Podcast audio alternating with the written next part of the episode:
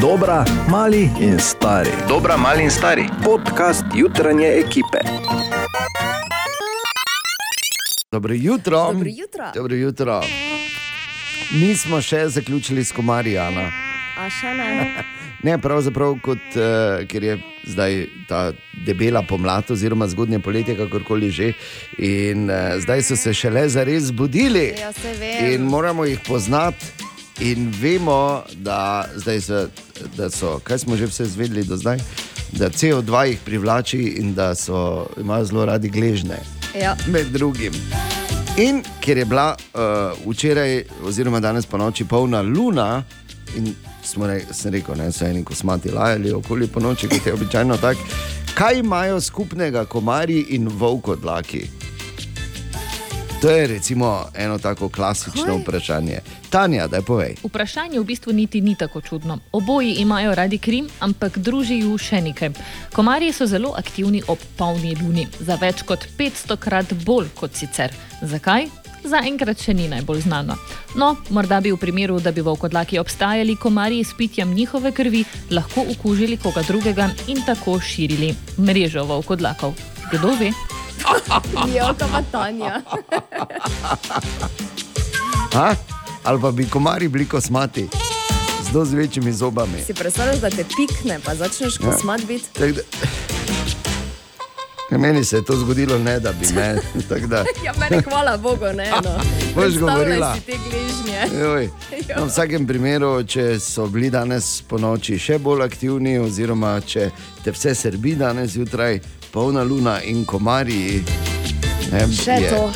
je še bolj divje. tako da. No, pa smo se naučili še nekaj. Želimo dobro jutro. Dobro jutro. Jaz sem malo listal po naslovih, sem ugotovil še enkrat več. Nič ne smeš verjeti, sploh tem zvezdnikom. Tako da, Ana, od zdaj naprej ti nič ne verjamemo, si le velika zvezda. ne, ampak eh, brez heca, veš, ko so pred premiero Fast and Furious 10, oziroma prvega dela, zaključnega dela te serije, ki naj jo že enkrat vgasnejo, prosim, lepo, ker vse kaj je prav.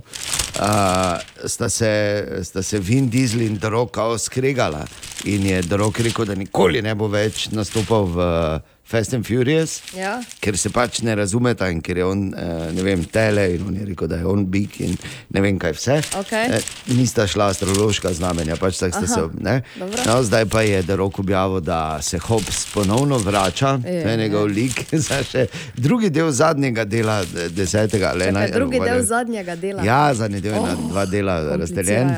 Res je. Tako da zdaj Derok spet pride. Kaj bi lahko nehali, prosim, lepo. Že enkrat. Vprašanje je, Najbolj- če bolj to tone. Najbolj sem si šel na živce zaradi tega, ker sem sam nasedel. Sem mislil, oh, glej, vidiš, kak sta se. Jaz malo bolj na derokovi strani. Jaz tudi. Zdaj pa vidim, da pri vseh letih izkušnjah in toliko te eh, tezenske izobrazbe, ki sem jo v teh letih dobil, pa vseeno. Glej. Torej, madam Tima, Ja. dobro jutro. Poglejmo. dobro Poglejmo, kaj nam piše v zvezdah za ta teden. Ja, Avni, imate ta teden odlične možnosti za navezovanje stikov z osebo, ki vas zanima. Tudi tisti, ki ste že v zvezi, boste skupaj preživeli nekaj čudovitih in sproščenih trenutkov. Skratka, pred vami je miren in prijeten teden. Avni so rešeni. Bik. Kaj? Ja, nič, vedi. Ja. Sem vesel Dru- za une. Tako. Drugi del tedna vam prinaša dobro voljo, glede obveznosti se boste trudili biti ažurni in popolni, preskočite nekaj pomembnih malenkosti in ne pripeljite odnosa z ljubljeno osebo do meje razprave. Dvojčka. Imate prave predloge, ste ustvarjalni in prepričljivi, več kot gotovo je, da bi lahko dosegli prave posle. E, To bo poudarjeno tudi na čustvenem segmentu, zato je pravi čas za izhode, spoznavanje novih ljudi in druženje. Rak. Občutek imate, da vam nekatere situacije uhajajo iz rok in eh, da jih ne boste uspeli pravočasno zaključiti. Vaša čustvenost bo ta teden preveč poudarjena, potrebujete več podpore in pa morda več časa z ljubljeno osebo. Lev. Delovali boste v počasnem ritmu, a ob tem neizmerno uživali. Izkoristite teden za svoje užitke, za stike s prijatelji, pa tudi s čustvenim partnerjem. Razpoloženi ste za ljubezen in za sproščene skupne trenutke. Devica. Naj vam misli na poslovne težave ali finančne obremenitve eh, ne pokvarijo tega dobrega tedna. Bolje je, da svoje misli obrnete ta teden torej na drugo stran, kakšnim lepšim temam. Tehnica. To bo spodbuden teden za vas, vse dosežete, vse zmorete in če bo treba, boste priskočili na pomoč tudi sodelavcem. Ne le to, vaš optimizem in duhovitost bosta poskrbela za več kot dobro delovno vzdušje. Aha, Ja, dobro, ja pričakujem. lepo. Škorpion. Od sodelavcev pričakujete morda preveč in več kot gotovo je, da ne bodo izpolnili vaših pričakovanj. Še več lahko vas bo ujezilo, ko boste ugotovili, da ste storili vse, kar bi morali, drugi pa niso. Strelec. Ta teden je čas za uresničitev vaših načrtov na področju zabave, pa tudi ljubezni. Pomaknite se proti osebi, ki jo želite usvojiti, kajti zagotovo vam bo uspelo, bodi si doseči odlično komunikacijo ali pa se celo dogovoriti za kakšno srečanje. Kozorok, ste razpoloženi, zgovorni, duhoviti, ta teden se nihče ne bo mogel upreti vašemu šarmu, seveda ne. Možno je. Seveda, lepo si si napisala, dobro. Ja. Možno je, da boste del tedna preživeli v družinskem okolju, preostanek pa vsekakor izkoristite za stike s prijatelji in pa s svojim partnerjem. Vodnar. Uspelo se vam bo dogovoriti za pomemben sestanek s sodelavci, od katerih pričakujete veliko. Imate pravo zgodbo pod narekovaji, ste zelo prepričljivi, zato jo vsekakor uporabite, pa ne le v poslovnem segmentu. Začnite tudi pogovor z osebo, ki vam je všeč. In pa ribi, ta teden pričakujte kup poslovnih obveznosti. Dobro bi bilo, če bi vam lahko kdo pomagal. Deležni boste nenadnega stika nekoga, za katerega ste mislili, da je že pozabil na vas. Ja, pa i. Vrej, ne? Noro.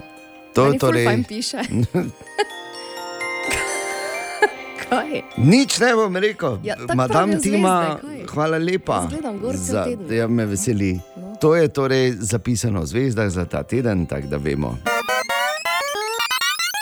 Še enkrat dobro jutro. Dobro jutro. Veš, ko si včasih rečeš, da imaš neki milijon štiristo, milijon pa pol, pa bi nekam potisnil, pa ne, veš kam. A, Moram boš ti povedal, kako je to. Ja, Bor ve.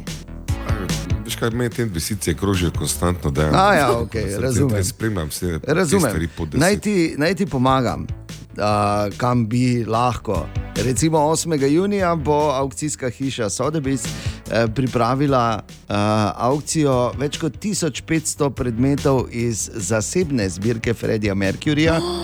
Ampak, ampak pazi, meni je najbolj v oči padlo. Da ravno ta eksponat, za katerega pravijo, da naj bi iztržili okoli 1 400 in sicer zgodni zapiski Fredija za tekst za Bohemian Rhapsody, wow. ki jih je delal na letu z neko britansko letalsko družbo, ki več ne obstaja med Brusljem in Amsterdamom. In uh, kar je zanimivo, kar razkrijejo te notice, da je najprej hotel ta hit imenovati Mongolian Rhapsody. Brez heca, to se tam vidi, malo gledal te video posnetke in ja, dejansko veš, in tako so. Kaj zanimiv proces, podoben proces ustvarjanja. Sem videl, so imela, Aha. oziroma mama. Aha, si našel On ga več nima. Jaz pa- Ja, to veš, ko samo neke take besede namečeš, ne, veš na listu, pol pa je iz tega iskal potem neke povezave. Povezave. Ja, ker tam neki piše fandango, pa tam piše ne, bismilah, veš pa uh, mama. Ne, in uh, ja, Mongolian Rhapsody in uh, je pol postala Bohemian Rhapsody kot Bohemija. Uh, Pač pokrajina, oziroma to pač del Češke, pa Slovaške, pa Polske, tam to včasih zgodovinari dobro vejo. Ampak eh, ni bila Mongolija in Repsodi samo zaradi tega, ker mu po zlogih ni šlo najbolj notbaje. Oziroma, ni bilo najbolj melodično, tako kot si on to zamislil. Zanimivo. Ja, in ti zapiski so lahko tvoji za, kot sem rekel, milijon štiristo, tako da bo upam, ko boš kupil, da boš uh, pokazal. Ne? A veš, Na bom- daleč, no. Skrivam Lahko. pa ne rad. No, no, tako. Tako da prosim.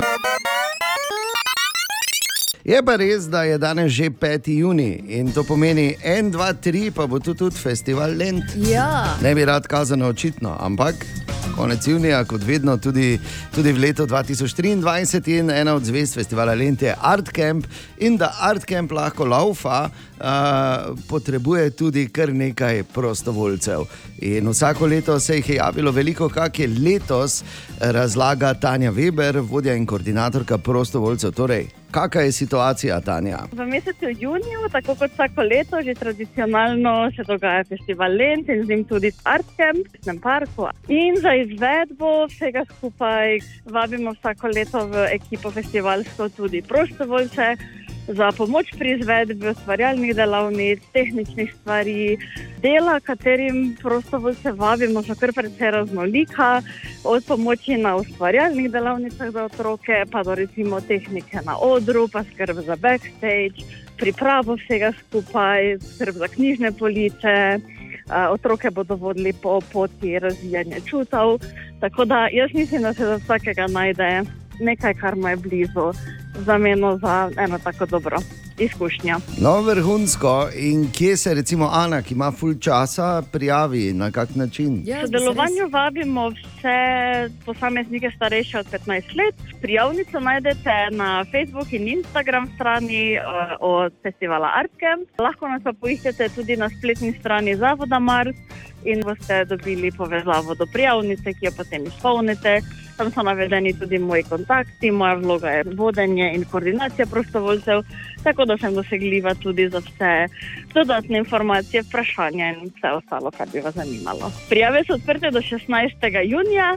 Dan kasneje se srečamo na enem skupnem srečanju, izobraževanju, kjer se spoznamo, preverimo pričakovanja prostovoljcev, prostovoljk, naša iz ekipe in kjer se nekako skupaj tudi dogovorimo o načinu dela, kako bomo sodelovali med festivalom. No, super. In imamo morda v Artcampu letos kakšno posebnost, novost, Tanja? Letos ponovno oživljamo podprebujanje čutov. To je ena taka senzorna izkušnja, kjer večino časa zaznavamo bolj kot ne z očmi, kjer se zavežejo oči in potem zaznavamo svet skozi dotik, vonje in druga čutenja. Tako da, ja, mogoče je to nekaj novega, tako ena lepa izkušnja je voditi otroke in tudi odrasle čez to pot, biti njihova podpora in njihove oči za to izkušnjo. Tako, v vsakem primeru nepozabno je, nepozabna izkušnja, če si prostovoljec ali prostovoljka v Artcampu, tudi letos imaš možnost. Tanja Weber, hvala za tvoj čas. Želimo dobro jutro. Dobro jutro.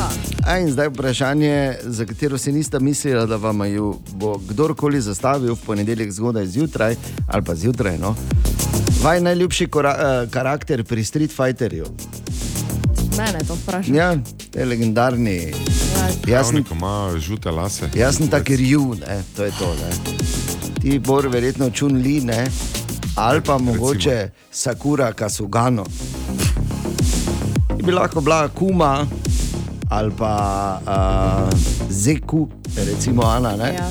Zakaj to govorim? Zato, ker je od petka zunaj Street Fighter 6 za, uh, za PC in za uh, konzole. tako da Dolgo smo ga pričakovali, moram reči, da zdaj govorim pač iz Tega, ja. svojega zornega kota. Ne, ampak pravijo, da je trenutno najboljša, uh, najboljša igra te sorte tam zunaj, torej najboljša pretepačina. tako. Street Fighter 6 od petka. Če razmišljate, kako darilo bi bilo primerno za eh, konec očeta, šole. Očeta v družini. Ja, tako darilo, veš, ki kar ne neha darovati, kot ja. se reče, ne, si, ki jih eh, razveseli več. da. Pač samo kot info. O, Tine! Ja, Tine, dobro jutro. Dobro jutro. Dobro jutro. Dobro jutro. Dobro jutro. Viš, Pa že ponedeljek, ne? ja, en, dva, tri, pa kak smo bila v petek sproščena. Ne, sej je Kaj ponedeljek, ampak bo pa dež, ne? Tako da, Še ta udarec. ja. Kaj Še ta lahko boš udarec. počival, kaj vse kositi, ne bo treba.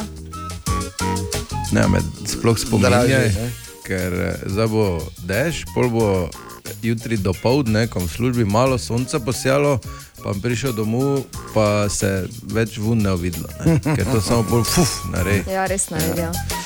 Bi rekel samo to, da eh, ne pritine to, ker zna živeti, je življenje počitek. Ja. Prokleti kojn. Yes, Moj ponedeljek je zaokrožen, čakal sem, da bo. Tine. Tine, kaj imamo danes, povej? Torej, najprej eno vprašanje za Ano. Ana, ali ti veš, kaj je bilo na današnji dan, oziroma ne na današnji dan, ampak točno en mesec nazaj, si misliš reči, Točno en mesec nazaj. če se spomniš. C- Čakaj, datum je bil 5. 5. 5. maj. To je Ja. bilo po prvomajskih, na enem blagu. je bilo, ja, po prvomajskih je bilo. Ja, to je ne, varno reči. Se je ne spomniš? Ne. A, okay, dobro, ker so raziskav naredili, pa so ugotovili ženske, ki bolj pogosto šubi dubi, imajo boljši spomin. daj, Tine! Samo vprašaj. Ne Samo vse, kar vam rekel, je. In gremo dalje. velja. Želimo dobro jutro. Dobro jutro. Torek 6. juni, zdaj bi se morali pogovarjati o tem, "Je, kako fajn, dan so lampiončki, je, kako bomo delali. Ja. Ja, ne moremo se to pogovarjati, žal, zaradi vremena so tokrat se pametno odločili, da koga tam ne spajtla ali pa da ga blato ne vzame v bistvu. Ne, da jih odpovejo, niti ne predstavijo, ampak da jih odpovejo, ker tudi če se kdo sprašuje, zakaj, se pa jasno na neki točki moraš popeniti, ne? Če kot si organizator lampiončkov. Ja. Ne glede na to, kaj narediš, ne, ko so zdaj spremenili so, uh, termin, vse živo, ker je prej maja šel bolj dež, zdaj junija. Očitno tudi ne boš šel ja, skozi. Bo. Tako da nimaš več kaj, žal, lampiončkov v 2023 ne bo.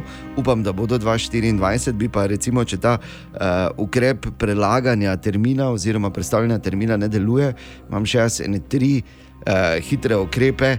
Ki bi jih morda. Ja, pač hočem pomagati. Jaz vem, eh, X-krat sem bil na teh lampiončkih, ko sem bil mlajši. Res? Na, se spomnim prav, niti enih. Tako da, Tako je Veš, treba. Tako je treba. Mogoče bi za naslednje leto, da, da bi lampiončki vseeno bili, da bi vreme zdržalo, bi mogoče ne vem, spremenili ime. Ne? Mogoče ne bi lampiončki, ampak bi bila. A, misliš, da je to zaklin, Mla- zaklinjeno? Zaklinjeno, zaklinjeno je, ker je ja. klin noter, Je to ne en. Uh, ja, zakleto. Mogoče bi bilo vem, mlada ljubezen ob glasbi, recimo, ne, da bi se imenovalo. Ja. Recimo, ne? Ali pa uh, naslednji predlog, oziroma naslednji ukrep bi lahko bil, da bi se lagali za datum. Veš, da bi posod rekli, ne vem, 6. juni, ampak vsi bi vedeli, da je v bistvu 11. juni. Tako, Samo bi govorili dobro. 6. juni okay. in bi na kartah bi pisali 6. vedeli pa bi, da bi 11. in mogoče tako, da bi se lagali za datum, in pa seveda uh, se mi zdi, da, uh, da bi pač spremenili malo uh, glasbeni stil in da bi nastopal Werner, ker tam, kaj on je sonce. Pa bi mogoče imeli lampiončke. Ampak v vsakem primeru nam je vsem skupaj zelo žal, da jih seveda letos zaradi vremena ne bo. Želimo dobro jutro. Dobro jutro. Dobro jutro. Včeraj je torej bil ta veliki Apple dogodek. Aha. To je, ko vsako leto pač pride gor Tim Cook in razloži, kako vse in na kakšne načine ne, bo, bo počasi eh, po drobnih, pa niti ne tako drobnih potočkih, ne, vse vznar tega sveta k sebi. Eh, Usmeril. Tako, počasi, da bo tja preteklo. Ne, ampak moram reči, da sem bil tako prepariran in glede na to, da se je veliko govorilo, da naj bi bil ta res revolucionaren, da sem kar spremljal včeraj zvečer. Seveda, Imam- ti si tako jabkar. Ne? Ne, Pa telefon imam, pa moram reči, sem zelo zadovoljen. Ampak uh, ta dogodek je bil in je res bil, ne, je bil prelomen. Ok, ja, predstavili so vse žive te nadgradnje, nove operacijske sisteme, bla bla.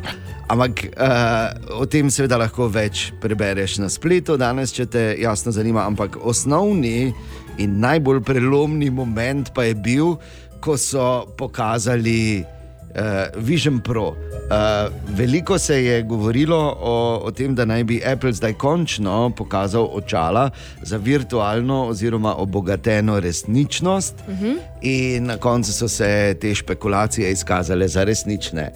Apple je dal ven svoje očala za virtualno resničnost oziroma obogateno resničnost in uh, pravijo, da je to pa zdaj res tisti prvi korak v smeri nekoliko drugačnega pojmovanja, oziroma kot je sam Tim Cook rekel ob eh, splovitvi oziroma predstavitvi tega izdelka, so določeni izdelki, ki spremenijo naš pogled na tehnologijo in na vlogo, ki jo ima v naših življenjih. Aha, okay. In valjda, da ko Apple nekaj naredi, moram reči, da glede na to, da je že tako, tak vsak, ki da si to relativno bedasto zgleda. Ne? Da ravno gledam slike. Ja. Ne, ampak če že, Spomini oni. Če že je to, kar naredi Apple, je vseeno veliko bolj seksi od vsega ostalega. Ne na zadnje, vsi ti, vsa ta VR očala potrebujejo, do zdaj so potrebovala še nekaj kontrolerjev v rokah, Ja. tu več nič ni, ker je gor ful nekih kamer, pa mikrofonov, plus. Uh, transparentna so lahko tudi, ne? tako da skozi vidiš oči tistega, ki to uporablja, če seveda želiš ali če je potreba ali nekaj takega, kakorkoli. Ampak Vision Pro naj bi bil, tako so rekli pri Apple, najnaprednejši izdelek osebne elektronike, kadarkoli narejen. Ko so ga delali, so vložili več kot 5000 patentov. In seveda ne gre samo za, za hardware, hardware je samo en del tega, naj bi šlo za pravo prostorsko računalniško plat, plat, platform. Platformo. Platformo, računalniško platformo, stari. moj, Malo preveč si gledal ti to, veš. ne, ne, vrhun, mislim pač tak, če, če te Zanimivo, ne? zanima, Ja. pol je to, ker uh, imaš od gledanja filmov do uh, uporabe računalnika, tako da dejansko z rokami veš, kriliš. Aha, no, to me pa, zanima, to- ja, ja, to, ja, Minority okej. Report totalen. Uh, seveda pa na koncu sem čakal še na tisto bistveno. Ne? Cena? Seveda. Ja. Kot je rekel nekoč S. Oliver v Alanu Fordu, ne vem če je kdo bral, ampak ko je ga vprašal, kdo za ceno, je rekel, vedno pa bom uporabil izraz iz, uh, iz uh, sosednjega jezika sitnica. Od, Okej. pazi, ni to končna cena, ampak od vstopni model 3500 dolarjev, na voljo pa v začetku leta 2024. Torej, kljub temu, da je to revolucionarno, še ta trenutek ni ravno za, eh, bomo rekli tako.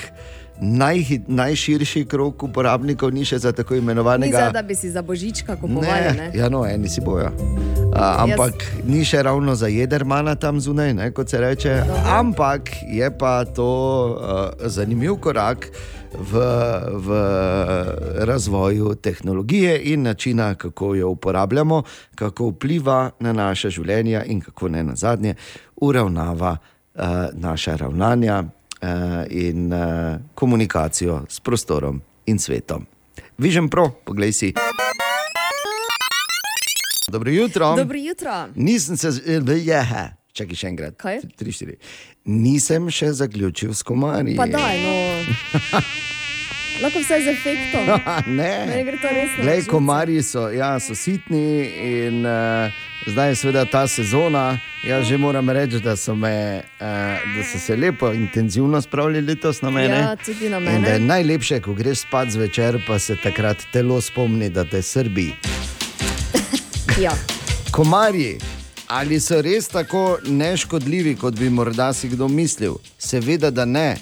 Naša uradna, oziroma pač Komari- postala je strokovna, komarica. ja, strokovn, strokovnjakinja za komarje, Tanja Klajnščak. Tanja. Sploh ne. Komarji so v bistvu najsmrtonosnejše bitje na svetu. Povzročijo kar milijon smrti na svetu. Prenaša namreč malarijo, mrzlico denga, rumeno mrzlico, pa tudi encefalitis. Eden od razlogov, zakaj so komarji označeni z oznako najsmrtonosnejše bitje na svetu, je tudi ta, ker se z lahkoto prilagodijo novemu okolju, pa tudi njihovo hitro razmnoževanje. No, za primerjavo, naslednje najbolj smrtonosno bitje za komarjem je človek, saj vsako leto zaradi sočloveka umre več kot 500 tisoč ljudi ali v zadnjem času morda celo več. Sledijo povodni konji, sloni in levi ter volkovi in morski psi. Pa je še eno področje, kjer so nas komarji premagali. Je Pol se vprašaš, zakaj jih ne maram. Grozno. Ja, res. Uh, je pa seveda žalostno, ampak resnično. V vsakem primeru s tem, Ana, obljubljam, zaključujem serijo. Hvala lepa, jaz pa grem po neki. Zaključujem, tako da lahko se častiš, temu ali- reče, da se na- našpricam. Pa namažeš, da boš Ja. uh, po limonski travi Oh, ne, v prostoru. no, v vsakem primeru to je to. Želim pa vam, da vas ne bi, tako kot bo zdaj zapel Jan Plestenjak, do zadnje kaplje. Naj vas nekdo drugi. Dobro jutro. Dobro jutro. Želimo dobro jutro. Dobro jutro. Ja, pa smisel, da poznam te vse osnovne organe Združenih narodov in vse komiteje. Nisem pa vedel, da obstaja še ena generalna skupščina, kar smo zvedeli zdaj v novicah. Generalna skupščina Združenih narodov za obdobje 2024. Za udobje 2024. Naj oganem, kdo je predsednica, Natalija Veronik. Še enkrat dobro jutro. Dobro jutro. Torek 6. junij je danes in to je naš kar kul cool ali kar slabo. To je, se veš, ko vsake toliko, vsak od nas si pripravi eno stvar, za katero je pripričan, da je kar kul, ni nujno, da vsi isto mislimo. Ja. Ha, Ana, izvoli. Taylor Swift je, kot vemo, na Aj, jaz turneji. mislim, pardon, prosti. Spet sem mislil, da bo Si mislil, kakšna. da bom rekla za vogalom? N- Ne, Ne? da bo spet neka zgodba iz trgovine, ko ti je nekdo dal kompliment. Ja, tako. Ne, ni. ne, ok, pardon, ja, izvoli. Uh, torej na turneji je in očitno so nekatere njeg njene, njegove, njene oboževalke vse skupaj vzele preresno. Res? Uh, da ne bi izgubile dobrega stojišča pred odrom, so si uh, pač dale gor plenice. Ne? ja, da ne rabijo, ker če greš na WC, ne, pol se Ja. ti tako en Ja. Veš, kak je, vse je. štuli. Ne? Pač ene na koncert, eni ko grejo v trgovino, tako pač je. Ampak vseeno bi jaz rekel, ker slabo. Ne? To ni Slabo, to je kar dobra ideja. Ne, ker, ker slabo je to. Ne, Taj ne moreš biti tak nor. Je pa res, res da je kar ja. gužva. Pa mimo grede, Taylor Swift, veš, da zdaj uh, razmišljajo, oziroma si računajo, da je ceneje, če, če grejo recimo na njen koncert, da vem, nekam ven iz Amerike, kot pa da grejo v Kaliforniji, ker je tam uh, najcenejša karta, Jurija pa pol nekje. Ne. Tako pač so Tako da poceni pač- karte. ne. Lepo. Tako da bravo Taylor Swift, ki je mimo grede objavila tudi že prve datume turneje po Evropi in drugod po svetu, ker je začela v Ameriki. Več detajlov najdeš na spletu. Bor, Lesena brv čez uh, Dravo je končana. Čakaj, čakaj, to pa je kar kul. če vapov most je fertik. Ja, ja, če pa most, kot temu popularno nekateri reče, končanc, testirali so ga, lučke prižgane, gre se preko prid, vse je vredi. Samo dela na lento so sumljivo zastala, pa čujem zdaj, dekak, da ni denar na mestni občini Maribor. Tako da Glavni problem z mostom je to, kar mi nismo vedeli, ne? da pravzaprav most bo, samo do njega pa ne moreš priti. Čakaj. Hoj, Ja, ker bo lent razkopan ostal. Ker Ne? je lent razkopan večno, ker ni naravno. 2027 nekje. Ja. Tako da se ne vem, kul cool je, da so ga končali. Uh, v vsakem primeru, ampak uh, slabo, da ne moreš do njega priti zaenkrat. če. In mislim, pa, lahko sem pri nas, pardon. ampak- ne, pa vse to je še drugo. Ziger so, kaj. ziger so most delali, še kje kaki kot ni. Ne, Pa, pa tudi na tezno se pogosto kaj vleče, sigurno. oh, veš kak. Ti bi samo mogel iti po, dol po tej ulici, kaj je. Um, čez tam, pa pol na to ti semafor pri Lidlu. Ni šanse, da kam prideš, sploh v nedeljo. Ja, se vleče? seveda, če sejem. Ne, ja, ampak tudi drugače, če greš ob vem, 12. Katastrofa. Tako da, ja, ma- imaš prav, bor tudi na tezno se vleče. Drugače pa, jaz sem pa si pripravil uh, piknik in mravlje. Ne, kot dan in noč, to gre skupaj, pa je ne. Veš, ko si tam pa ti polezajo, pa te gnjavijo, pa so tečne. Obstaja rešitev, vazelin. Kam? Ja, Te se smejo to, vprašati. Lahko bi dal, ne vem, kaj bi lahko dal gor, Ne, da bo to povej, kam vprašanje. si daš vazelin. Ne sebi, A ja, ne sebi. ne, spodaj tace, tace od mize. Ja. Tace od mize namažeš, tako na 2 cm okoli in Res? okoli, in ziger ne boš imel mravl na mizi. Dobro, ne? Kaj je polsko? ne vem zakaj, vprašaj mravlje. Ampak je pa tako, da si vzamem vazelin s sabo, ampak se veš, kak je to piknik, da si že v osnovi ne vzameš vazelina s sabo. ne? Res je, da.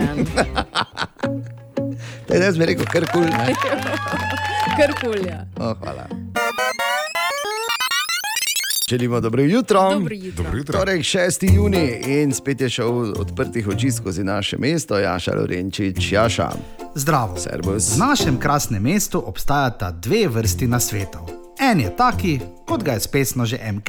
Oni, skoraj pokroviteljski, nekaj med nasvetom in pogojem. Oni, ki se začne z, veš, kaj bi ti mogel.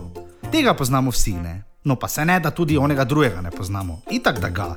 Ta drugi tip na svetu je bolj izkustveni. Ni tako direkten, kot veš, kaj bi ti mogel, ni pa kaj dosti bolj nežen. Tak sem recimo zadnjič naletel v hodniku bloka z visokimi stropi in valjda brez lifta na cel kup ciglov, ene štiri resno zadihane in fit pubece in dva stara majstora s postavo za rokomet ali pa vaterpolo. Pubeci so ravno očitno pokasirali predavanje, na pol kimali, na pol pa so si mislili svoje. Vi kar kimajte, saj jaz sem tu in kimo, ampak veste, dosti sem jaz takih poznal, ko sem bil star toliko kot vi. O ja, če bi jaz tak cigle nosil kot so jih oni, bi zdaj doma samo še v luft gledal. Pubeci so sva slišali, kaj so hoteli slišati.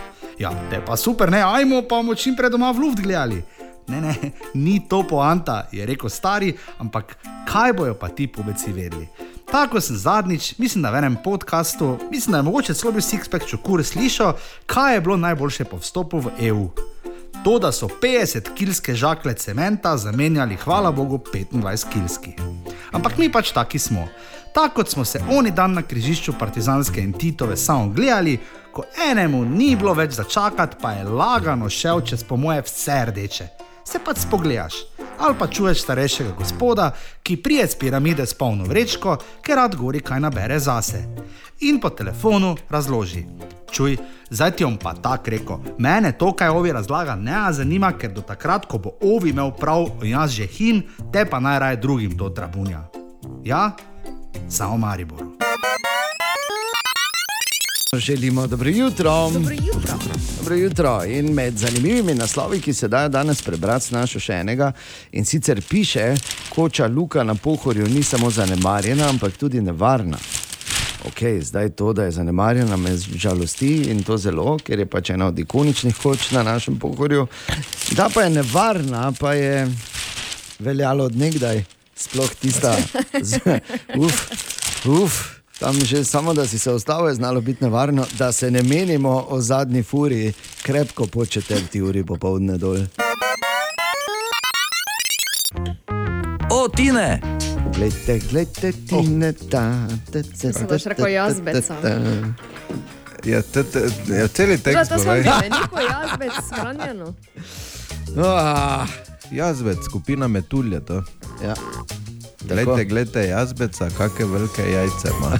To je en izmed E, eh, verzov. Tako je. Jaz malo drugače mislil, ampak uh, dovolj je bilo samo lete, lete. Pač, ta moj neverjeten performance bi lahko rekli, celo intervencija v Ti bi prostor. nastopal lahko. Pa to ti pravim. Ne bi sicer pel, mogoče veš, da bi igral včasih ali pa kaj povedal, tako bi nastopal. Ne, jaz. pet bi mogel. Dobro, kaj ste naredili plan za lent letošnji? Ne bi. Ja. Ne Na bi, velikem odru. Ne bi imel dosti nastopov. gledališče. Ja. Dejan, Zakaj mu ni uspelo? Tako bi lahko bil naslov moje predstave. Samo bi mogel pač nekaj vključiti, ker veš, da je to vedno aktualno, nekaj, da nekaj gori, ali da so na 700 metrov gor, pa se dol derajo. pa to Tako bi nekaj. ti v štumpah mimo letel. Recimo, Ja. ne? Kdo je zdaj tu, zdaj mu uporabo besede, Ne. tako se je menil, kdo je zdaj tu največja svinja. Res. Ne vem. ne moral bi vprašati, kdo je zdaj tu stezna. Ne, nehajte se zdaj v meni spraševati, ker sta vidva naredila nastop, ti nekaj imamo za zanimivo. Um, Tako sem malo tu šel skozi zanimivosti in in sem opazil, kateri kraj bi bil optimalen, da bi človek živel tam. Ja. Sploh, če nisi zdaj malo. Razen Maribor, misliš? Razen Maribor. Pa Fram, ja. recimo, Fram je Ja, pa super. fram. Uh, sicer je več minusov kot plusov, ampak v kolumbijski Bogoti, Oh, ne zdaj, da je fulvarno tam, ne. Daleč Se od pravi, ker pač ni zdaj, ne, ampak drugače eh, mesto, ki nima letnih časov. Ker je na taki nadmorski višini, pa mm. uh, pač tam, ko je, je skozi celo leto med 15 in 20 stopinjami. lepo. Eh, Imaš pa potem tudi, V redu. eh, se pravi, hodiš v El Čapotovo šolo, pa igraš v El Čapotovi ligi. Pa... No, pač dobro, to so zdaj malenkosti. Malenkosti, zdaj, zdaj se ja. menimo, da bi recimo celo leto v kratkih hlačah bil. Ne? To ni slabo, ampak ne menjam. Ne?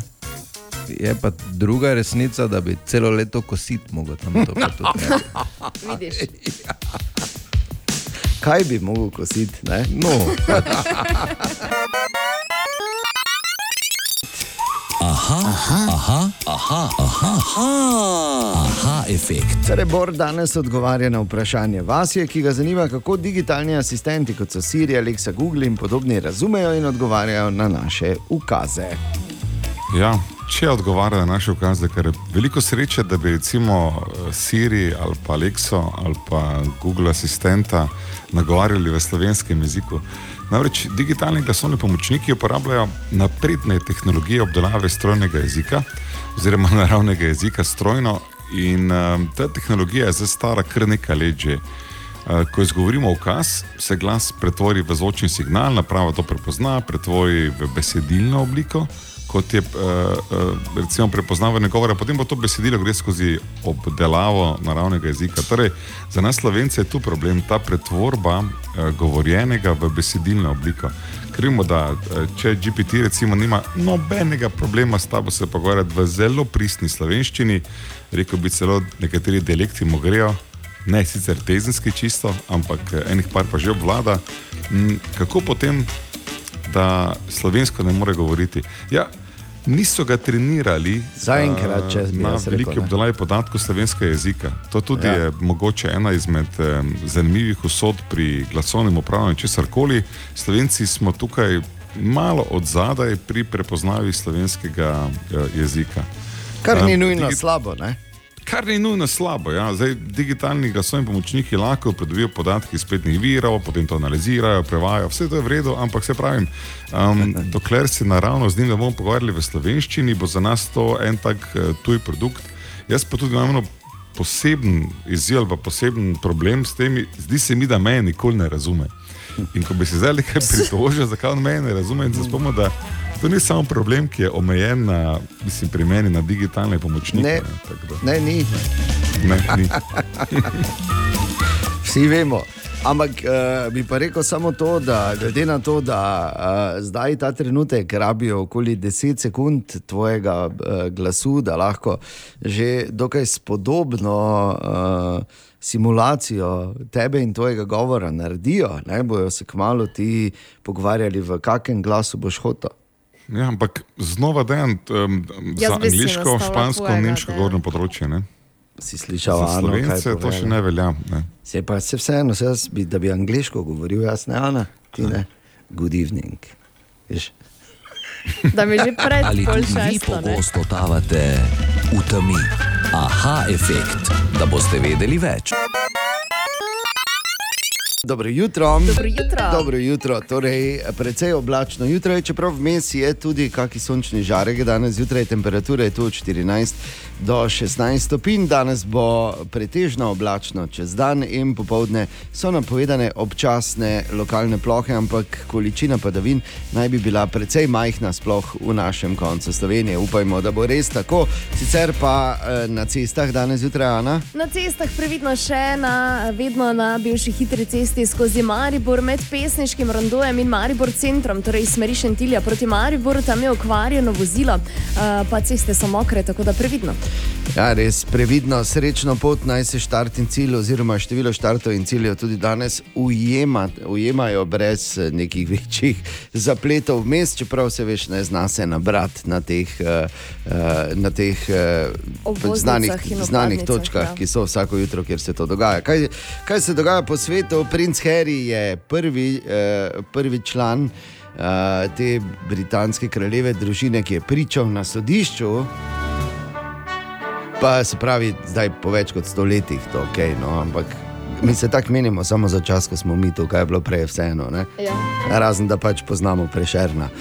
Skratka, princ Harry je uh, v boju proti eh, britanskim tabloidnim medijem, torej pričal o pač vdoru v njegovo zasebnost in življenje. In ta, ta, ta, vse vem, se ni lahko, ne? samo so uh, verjetno pomembnejše bitke od teh, ki jih je treba biti.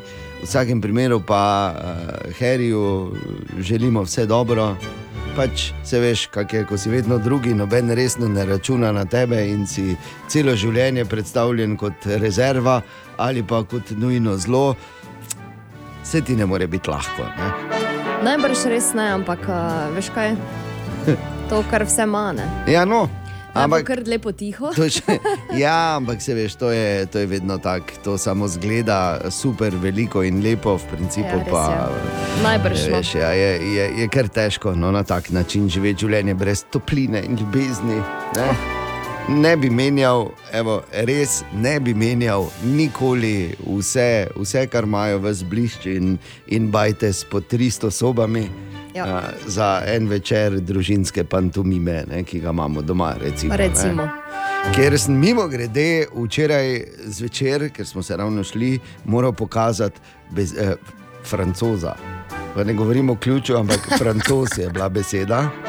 Kak naj francoza pokažeš? Brez da Vse živo sem govoriš, šel ne. od, uh, od uh, tega, da sem kazal žabo do, do Mbappéja, do vsega, nikak, da jih prepričam. nikak. Na koncu sem bil. Ja. Nogomet pa ful hitro. Ne? Mbappé se bo te menda jasno. Ja, ja. Tako da, ja, nič, jaz upam, seveda, da, da gremo dobro v, v to novo jutro. Danes je sreda, 7. juni, kot smo rekli.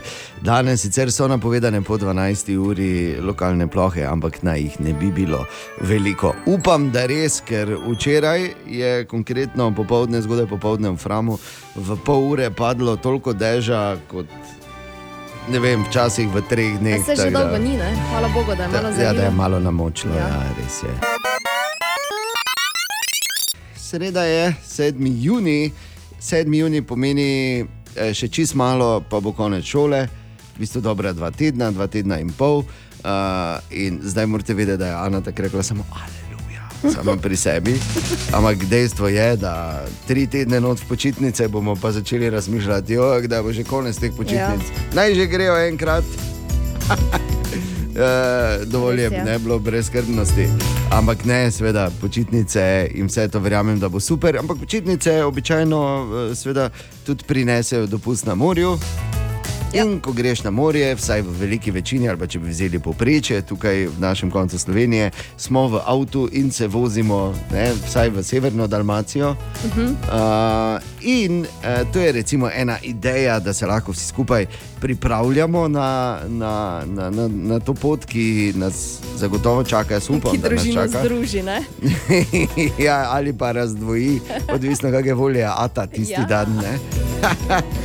A, no, kar sem želel povedati, je to, da recimo, to je priložnost za debato, uh, jutranjo debato v pisarni, preden se zares zaženete, katera je najljubša igra, ki se jo igrate med daljšo vožnjo v avtomobilu. Veš, ker zdaj ja. Ja. do neke mere še pač muzika te reši, ali pa če greš zgodaj zjutraj, tako še nekaj časa vsi spijo, imaš mir, ko voziš, pa te nobene gnjavi, pa ati na WC, pa vse te stvari, medtem ko imaš ti zelo dober pace in uh, si znotraj svojih časovnih gabaritov, ki so mm -hmm. bliže Zelo pomembni. nerealni v štartu, že ki si, si jih zadal, ampak vseeno imaš občutek, da ne. In ni bilo neke gužve, in vredi si skozi prišel, in mimo kolone 86 tovrnjakov si šel, ne, ne, zdaj pa moraš stati. In medtem ko oni grejo, ti stojiš in gledaš, kako grejo tovrnjaki spet, žum, žum, naprej, nazaj, vseh 86. In znova. Ja, ja, in ali pa so potem kakšni zastoji, ali pa kaj, in pol se moraš nekaj iti, ne, ker ne moreš v telefone gledati, ker življenje se dogaja zunaj. Ja, sploh med vožnjo. Ne? Ja, in Ne moj, moj, eh, naša igra recimo je, veš, da, vsak, da dopolnjujemo stavek, da vsak reče eno besedo. In se tako gradi se stavek. Okej, Ja. ja. Običajno se prej ali slej konča z besedo rit. In je to to. Ne? Ja. Uh, tu smo specialista, moram reči, oba, uh, jaz in moj mlajši sin Gašper, ne, iščeva vedno najboljšo, ne na očitno, ampak najboljšo možnost, da zaključimo z, z, z to besedo. Vi, Ana? Uh, veš tisto, ko rečeš besedo, in potem naslednji reče besedo, ki se začne na isto črko, kot se je prejšnja končala. Okay, ja. Pa vedno je avion noter. Kalodont, ne? Ja. na nek način ta igra je lepo. Ja.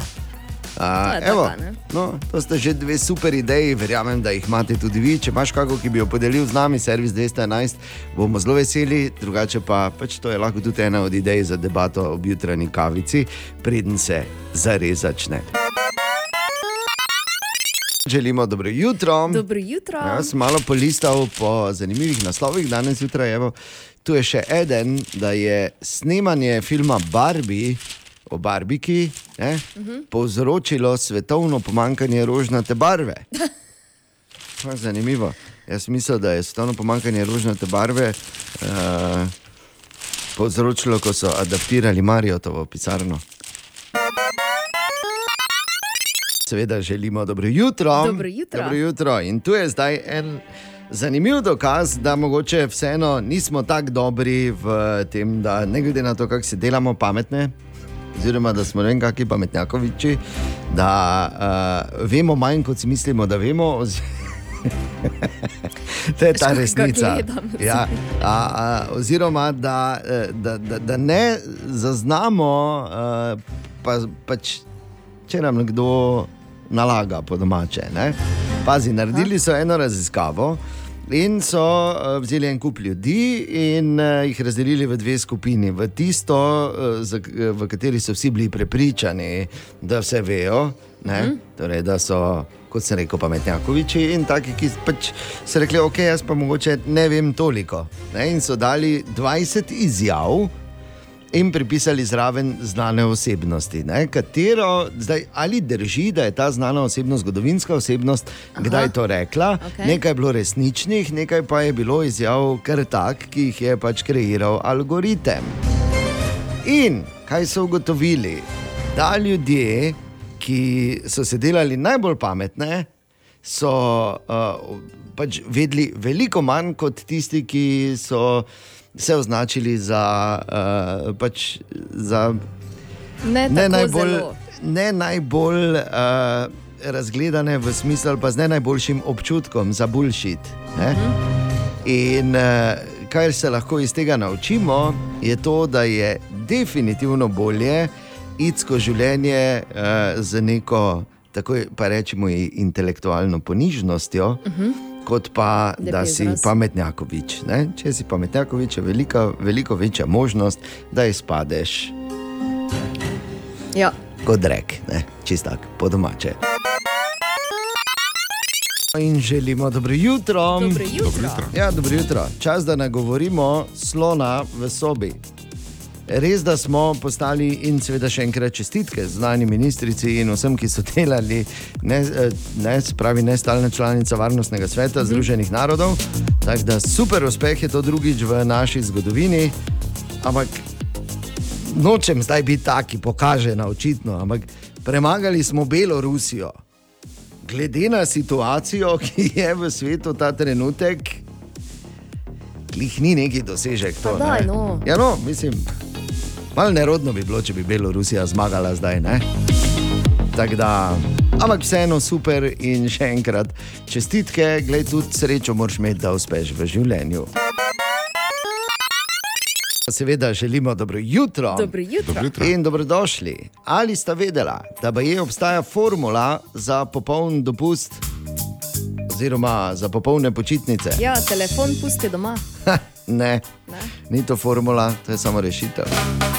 A, tudi ne popolne, za popolne počitnice v smislu, da, pač, da ni starih dveh doma, da imam televizijo, elektriko, pa, pa odprt račun v McDonald'su.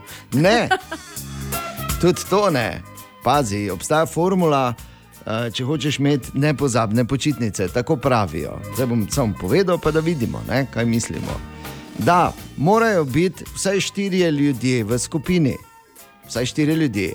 Moraš na svojem potovanju oziroma uh, počitnicah imeti uh, štiri nova doživetja, števši, da se zgodi tudi kaj nepričakovanega. Torej, štiri ljudje, štiri nova doživetja, izstopiti moraš iz cone udobja, tako da spoznaš nove ljudi, in poskusiti moraš vsaj tri nove jedi. In to naj bi bila formula za popolne počitnice, oziroma dopust. Zanimivo. Štiri ljudje, štiri nova doživetja, števši tudi kaj nepričakovanega, spoznavati nove ljudi in poskusiti vsaj tri nove jedi. Te tri nove jedi mi To kar tri nove jedi, ležijo. jaz tako kar enih sedem, osem dal, ne, Recimo. mislim, ker če že greš, moraš malo papati. ne. Mhm. Nove ljudi, imam kar dovolj ljudi, bom rekel. Ne, Ja. rabim. Nisem htela reči na glas. Štiri je tako ali tako smo, uh, vedno, ko gre naša družina, kam se zgodi kaj nepričakovanega. Jaz imam vsake počitnice popolne, bom rekel, No, glede na to formulo. Morda imam edino presežek na strani hrane, pa verjetno niste edini. No, in če kaj, kar smo se naučili, če kaj daš Ani za darilo, in ne smeš dati bananovca. Ker uh, imam zaupljive informacije, da sta jih že dva zagnilila in je mogla bi jih vreči. Ja. Čist drugače pa tvoj sosed, ne? jih ima kar nekaj. Ne? Kaj kar nekaj, štiri nove poganke, malo krok tiste tako glavne. Zdaj ga trucam za banano.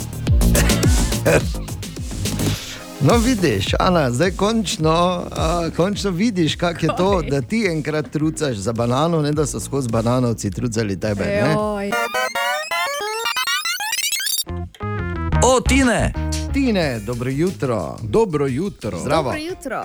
No, končno uh, je napoved taka, da obstaja samo 30% možnosti, da boš moker, ko boš šel z biciklom popoldne domov. Ker dobro, Ker dobro. Ker Včeraj sem dobro. te bil, pa prečeraj. gre, ne? Zdaj sem se navadil že.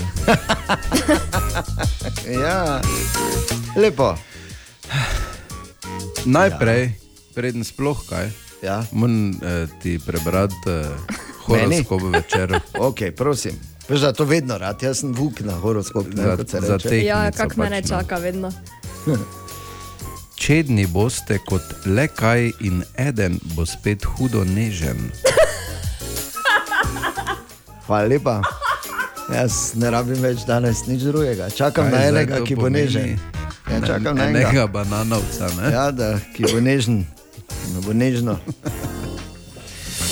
E, drugače, Ne mene, pa, gleda. Z listom, raglastim. drugače pa um, poznamo London Bridge. Ja, absolutno. Sem tudi letos bil tam, tako da. A, Celo? točno? Odlično. In naj ti povem, da nisi gledal in hodil čez originalnega, Ja, vem, vem. ker originalnega že nekaj časa ni tam. Res je. Končan je bil 1209. leta, zdaj pa ga najdemo, veš kje? Ne. Uh, v Havas City v Arizoni,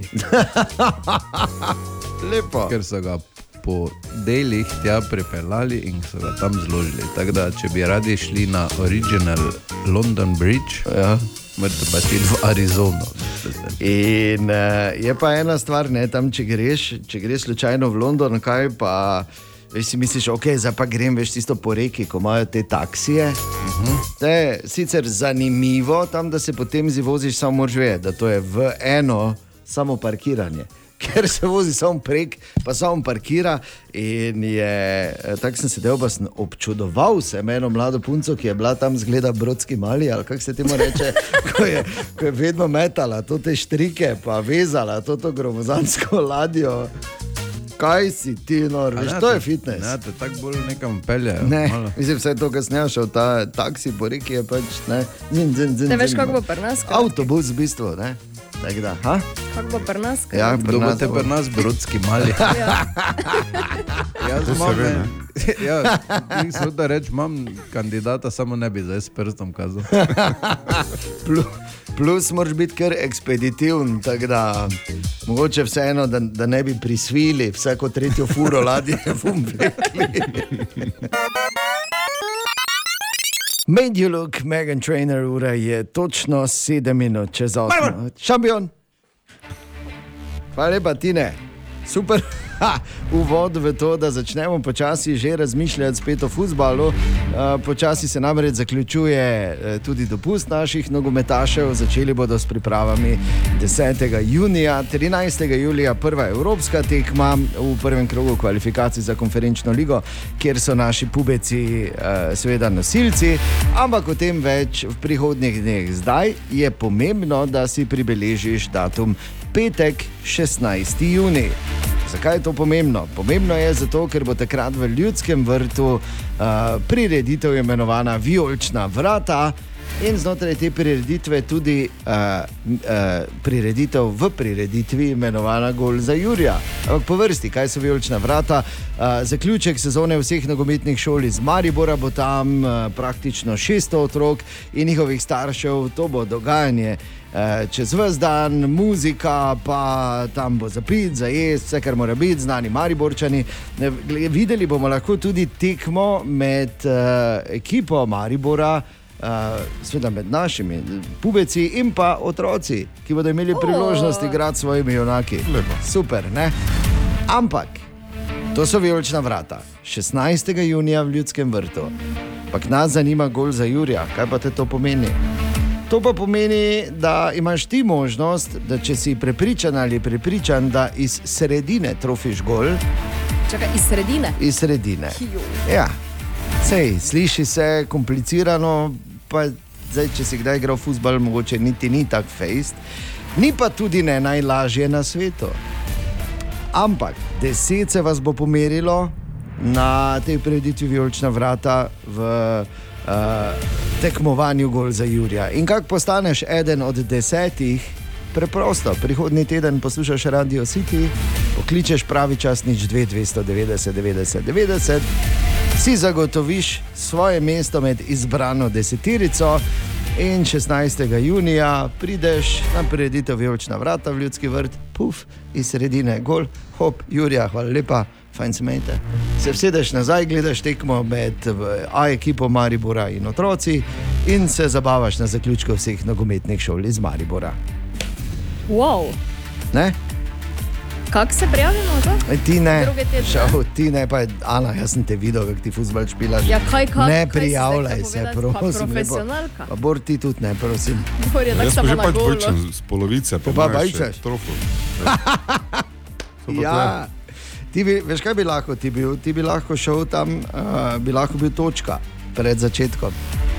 Pa bi te gledali, daj naredi to, prosim. Bodi bom, prvi, evo. ki bo Ne, sprožil. glej, Bodi z-. Zmenjeno. To, vsaka vržena rokavica ne, se hitro Ja. lahko pobere. Tako. da, jaz sem tam glavna atrakcija, hvala lepa. Rešeno. ja. 16.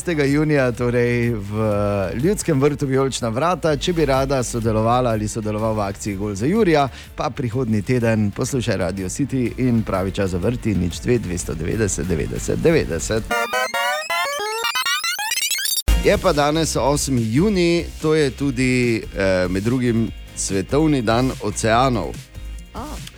Sem to prebral, sem si mislil, pa ne rabim oceana. Jadransko morje bo čist dovolj, samo čim prej, prosim. Ja. Ja. Danes je torej četrtek, 8. juni že in ko sem malo listal po zanimivih naslovih, sem v The Guardianu, ki je svojo sofisticirano periodiko, prebiram zjutraj. Čisto slučajno, mimo grede. Uh, sem prebral, da so znanstveniki našli zametke, torej avto ljubezni, solo ljubezni, pač samo brušnje, Ja. kako bi že to imenovali, ne, pri primatih že pred 40 milijoni let. Joj. Ja. Od, nek, torej, veš, od nekdaj nam je bilo dolg čas, oziroma imamo to v genih. In pa od nekdaj so se sploh mladi začeli zapirati, pa zaklepati. Včasih pač zadnji za kamen, danes v kopalnico. Želimo dobro jutro. Dobro jutro. Dobro jutro, četrtek 8. juni. Ali se spomnimo tega legendarnega hita? Pisalo se je leto 1997. A, Ana je bila stara 4 leta. Niti Ampak ne še. pomemben del eh, mojega otroštva. Eh, pa pomemben del tezna, že takrat, seveda, ne, da smo si na jasnem. A, takrat je pa v Dedi v spomin seveda, na Notorious B.I.G., ki je tako tragično zapustil svet, eh, naredil skupaj z njegovo vdovo Faith Evans, I'll be missing you, vzel seveda sample legendarnega. Uh, Every breath you take, od The Police, oziroma avtorske pravice za ta hit ima Sting. In uh, kaj je naredil pa v Dedi, samo pač je vzel sample, pa ni nič vprašal. O, o ti pa v Dedi, ne? In je rekel, Sting, O, halo. o, ti pa v Ja, seveda, A pa, pa, pa, pa. kam, kam, pufi, pazi. Je rekel Sting, Sting, ki je seveda kariero začel tako, da je bil kar, da je kopal jarke, pa z njim ni heca. Ja. Veš, ne, je imel lopato v roki. In uh, ga je seveda šel tožiti, in uh, tako da vsakič, ko slišimo ta hit, naredi cin-cin na računu Stinga, ki je pridobil vse avtorske pravice do leta 2053. Pa je to bilo že pred več kot 20 leti. Ja, v redu. Ja, ja, ampak marsikdo te zgodbe seveda ne pozna. Uh, tako da, ja, dajmo nič, meni se zdi, da Sting danes zjutraj rabi malo cin-cin Joj, zraven. ne. Za kavico. Mi častimo kavo danes, Sting. Pa dobro jutro. Dobro jutro. Ena od treh, treh, treh. Jutranji sprehod po zgodovini popularne glasbe. Torej, mala šola popularne glasbe tudi danes zjutraj in sicer na 8. juni 1960 v Manchesteru pride na svet Mick Hucknall. Mick Hucknall, ki ga leta kasneje, danes recimo praznuje 63. rojstni dan, poznamo kot uh, uh, člana frontmana in glavnega pri Simply Red. In uh, to je ena od mojih ljubših skupin, ne, ne nujno zaradi muzike, ampak dejstvo je, da je Simply Red ime benda zato, ker je ime Mik poslal svoj drugi največji strasti v življenju po glasbi in sicer Manchester United. In zato je Simply Red. Mik Haknel, ki je enkrat celo hotel kupiti Manchester United, pa je pol bilo vse skupaj predrago. Eh, Zdaj pa tako. Ja, zdaj pa, zdaj pa ne moreš ne, več uh, tega kupiti, sploh, ker so pa to že take cifre, da, da, da eh, brez veze, nima več nobene veze, resne z nogometom, to vse skupaj. Mik Haknel, znan tudi kot, uh, tako se pravijo, izjemen ljubimec, naj bi, govorijo se, govori se to o nekih impozantnih številkah. Ja, mene zanima, kaj razen denarnice so videle ženske na Ja, tem kaj te moškem. veš, kaj te Ker, eh, veš. zdaj Na prvi pogled Mogoče pa ima, mimo, ne? ja, ima zagotovo eno tako karizmo, Ana, veš, če bi, ne veš, ne, mogoče si sploh ne veš, rečeš dober dan in štiri stavke kasneje si že vložena, Je. kot se reče. tako se del. Okay, ampak bistveno je muzika od 80-ih dalje, Simply Red, eh, res izjemni, številnimi hiti v takem, eh, torej eh, v soul pop. Žanru, hiti kot so denimo bili Stars,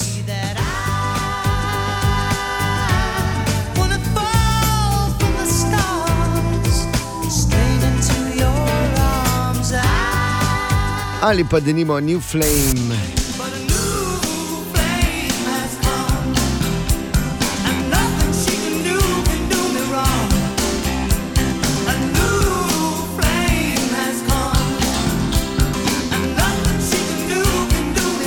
Ali pa denimo The Air That I Breathe.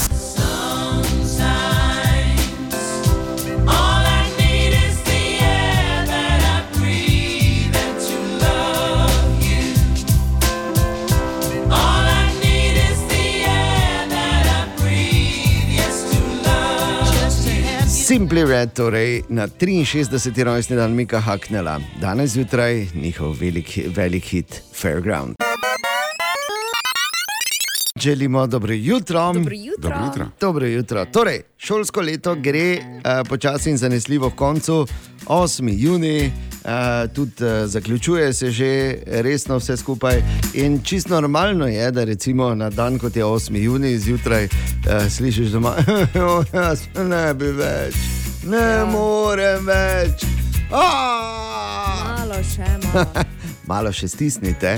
Uh, pred, uh, oziroma za vogalom pa je tudi konec srednje šole. In to pa je že kar ena prelomnica za srednje šolke in srednje šolce. In to je običajno tisti čas, ko veš, dobijo vsi fuljenih na svetov, ko jim razlagajo, tak pa tak pa tak. Se spomnite, vidva kakega nasveta, ki eh, je prišel ob koncu srednje šole? Zdaj pa lahko Ne, uživaš. ker sem bil. Ja. Jaz sem spomnil se hormonov, konca pa ne. Hormonov se spomniš, tako veliki so bili. Mislim pač, to, kar mi je v, uho govorilo, so bili bolj hormoni kot pa katerokoli drugo živo bitje. Komaj nazaj, konec srednje šole, ti si pozno imel hormone. Ne, se je Ne. imel že prej, samo takrat so bili ja, izraziti. Niso vtihnili. A Ja. Takrat so odrasli, v bistvu. Ja.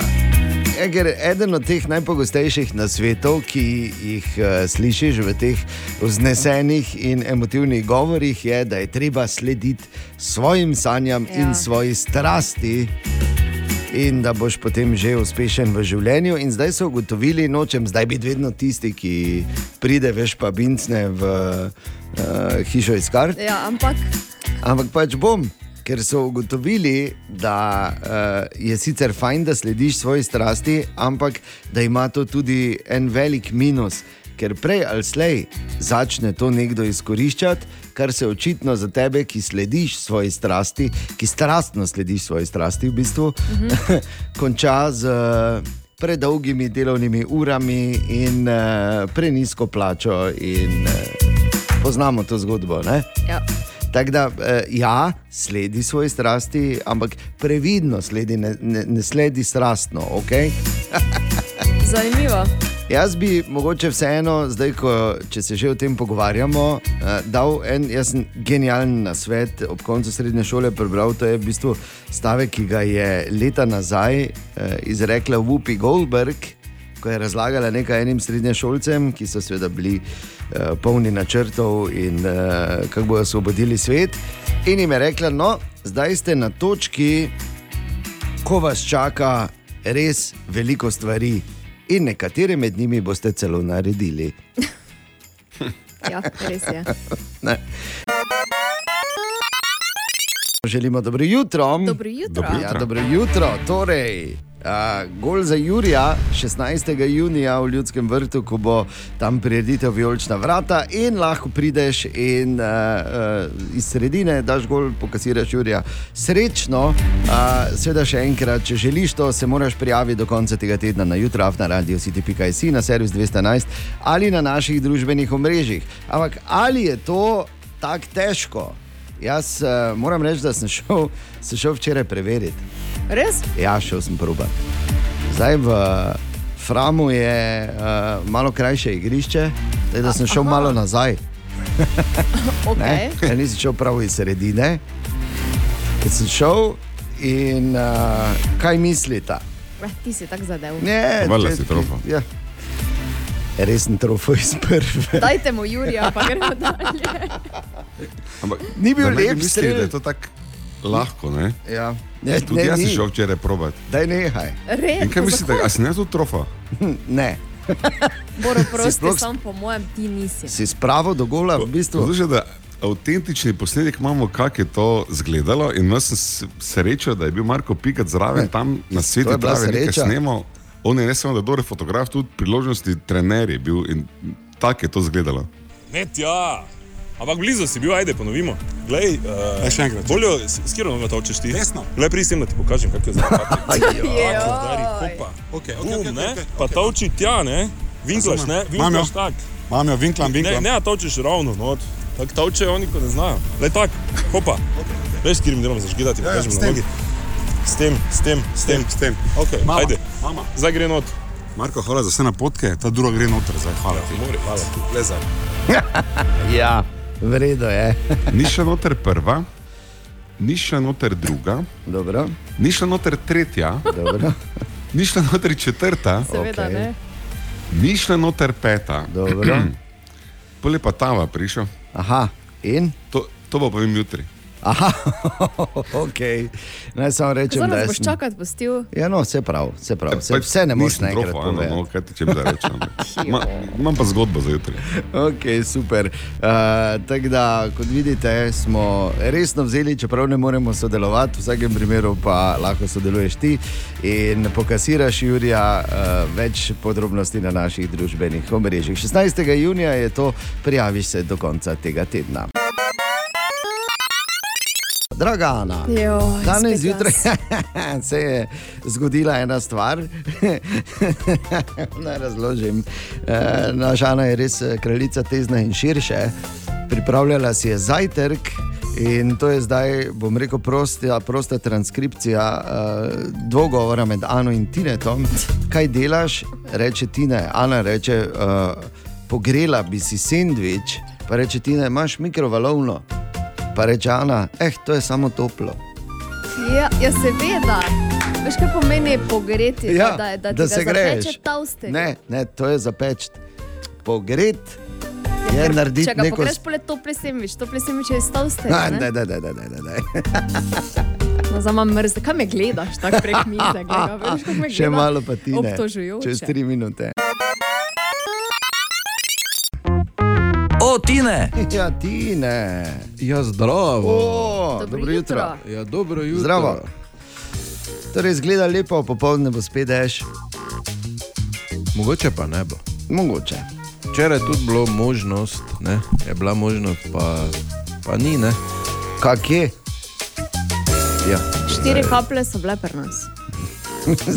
si jih preštela, ne? Ja, je. ker jih je bilo tako malo, da tako, se ko jih je si dalo greš gre prešteti. sem več. Tako da jaz še vedno gojim upanje, da ne bo. Ne? Dobro. Ker sem, eh, včerajšnji dan je bil končno po 170 dnevih za bicikl, pa sem se odločil, da bom šel kositi reči. Ne? Mm.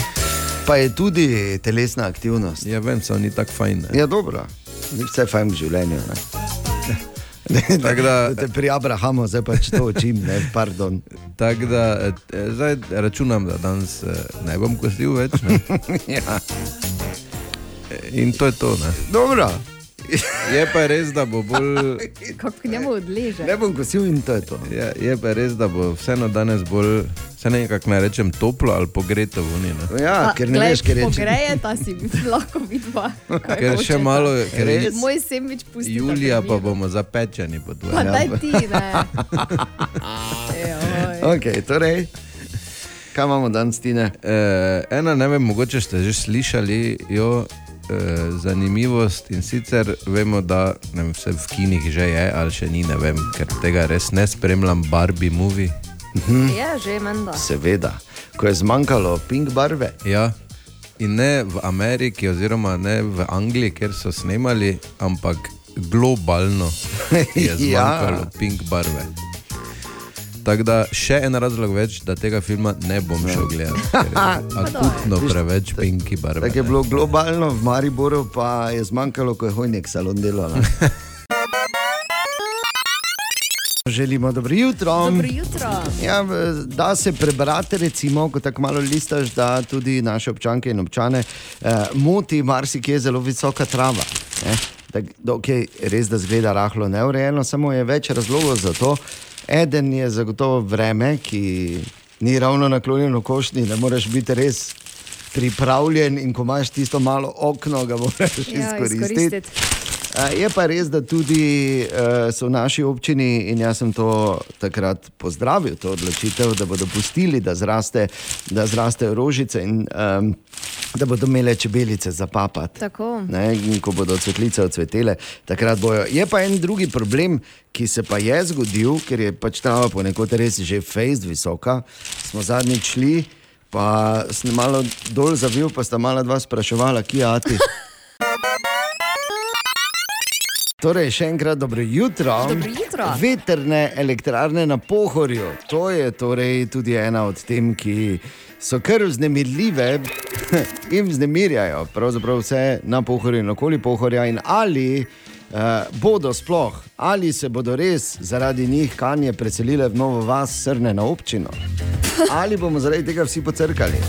Sveda pretiravam. Ampak se je dalo že vse živo na to temo prebrati, kaj če bi raje mi to malo posortirali. Tanja, dobro jutro, povej. Ja, res je. Zgodba je razburkala mnenje javnosti, nekatere je prepričala, spet druge odvrnila samo idejo. Pa vendar je družba Energija na veter, ki pripravlja projekt postavitve 56 veternic na treh lokacijah Bitriškega pohorja pod Roglo, na Arehu in treh kraljih, ponovno zagotovila, da so pri pripravi projekta s pomočjo stroke dobro preučili možne vplive na naravo. Tako razlaga Jana Habjan, organizacijski vodja projekta. Projekt temelji na treh stebrih odgovornosti, sicer do ljudi, okolja in zadostnih količin električne energije iz obnovljivih virov. Občine in njeni prebivalci bodo deležni ne le pri delu in ustvarjanju dodane ekonomske vrednosti, ampak tudi glede zagotavljanja niže cene električne energije. Z upoštevanjem te zadostne oddaljenosti vetrnih elektrarn od domov in spoštovanje naravnega okolja bodo lahko prebivalci in obiskovalci enako kot prej uživali v gostoljubju pohorja. Iz obeh poročil izhaja, da je investicija oziroma poseg za okolje in ljudi sprejemljiv. Trenutno so v fazi, ko so vložene vloge za gradbene dovoljenja na Ministrstvu za okolje in prostor, pri čemer gre za integralni razpis, kar pomeni, da ob izdaji dovoljen proučijo vplive na okolje. Ravno na tej točki pa se je zataknilo in zmotilo prebivalce, ki bivajo v neposrednji bližini predvidenih veternih elektrarn. V ta namen so oblikovali civilno inicijativo, poimenovano Za pohorje brez veternih elektrarn. Mi nismo proti veternim elektrarnam, smo pa odločno proti temu, da se postavijo na pohorju. Tako razlaga Drago Mahorko iz civilne inicijative. Težavo vidijo tudi v tem, da bi ti posegi poslabšali razvojne možnosti, predvsem na turističnih potencijalih pohorja, skrbi jih tudi degradacija neokrnjene narave, izumrtje ruševca, divjega petelina, zmotile pa so jih tudi obljube investitorjem. Kako bogatstvo bo naenkrat se tu med, pa ne vem, kaj še vse v našem pohorju. Ne. Nihče se v bistvu ne zaveda tega, da so tu ljudje, da živijo ljudje, da ti ljudje živijo v neposrednih bližinah teh vetrnih elektrarn.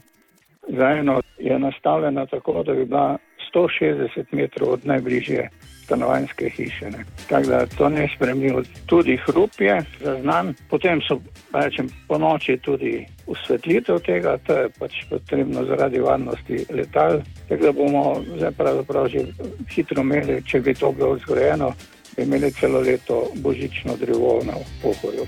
Opozarja na manjko komunikacije oziroma na javno razgrnitev, da bi javnost vedela, zakaj gre, da bi izvedeli več podrobnosti. Zdaj pa se dogaja ravno nasprotno, da si ljudje sami rišejo sliko glede na drobtinice, ki jih dobivajo. Bojijo se, v kakšnem okolju naj bi kmalo bivali. Posegi v naravo, da bodo veliki in zagotovo ne bodo vplivali pozitivno na vse, še dodaja Mahorko. Investitor pa medtem pravi, da bodo projekt javno predstavili po izdelavi poročil o vplivih na okolje za celotno območje. Ok, torej da se dosti slišati, eh, obljube, študije, borba civilne inicijative, da ohrani neokrnjeno naravo. Pa morda še par podatkov, ki so zanimivi, Tanja. Ja, morda še ta podatek. V Sloveniji trenutno delujeta le dve veterni elektrarni, medtem ko jih je na Hrvaškem 364, v Avstriji pa kar 1374. Z načrtovanimi 56 veternimi elektrarnami pri nas bi zagotovili proizvodnjo zelene električne energije za 110 tisoč gospodinstev, pri čemer bi občini pripadli 3 odstotki prihodkov od proizvedene električne energije. Medtem ko se v civilni inicijativi bojijo prevelikega vpliva na okolje in opozarjajo na degradacijo neokrnjene narave, pa pri investitorju dodajajo, da je bilo v študijah ugotovljeno, da bo poseg gozda predstavljal manj kot nič cela nič dva odstotka gozda na pohorju. Ok, bomo spremljali, kako se bodo te stvari razvijale. Želimo dobro jutro. Dobro jutro. In dobrodošli. Danes je petek, 9. juni. In uh, kot smo rekli, zunaj je relativno lepo vreme, ampak popovdne so spet napovedane posamezne občasne Seveda plohe. tako Da, eh, ne id brez marele, vsaj one male. Ne, mislim, moja, moja pokojna babica je vedno rekla, boljše ne suho marelo kot mokrorit. Ne pozabiti te stare ljudske modrosti. Drugače pa, kot smo slišali, v Sloveniji imamo 6035 naselij, kar mo- morda niti ni tak, tako presenetljiv podatek. Presenetljiv podatek je, da jih je 61 brez prebivalcev. Se pravi, če ni nobenega več, pol ni naselje, to, ker več ni naseljeno.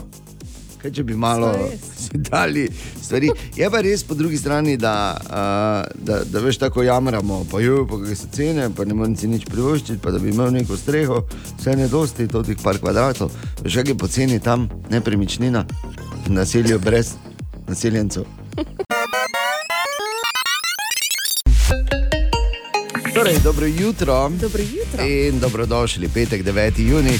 Zunaj imamo zaenkrat jasno jutro, 12 do 14 stopinj so temperature in danes bo eh, čez dan delno oblačno do 25 in popovdne eh, obstaja možnost posameznih ploh.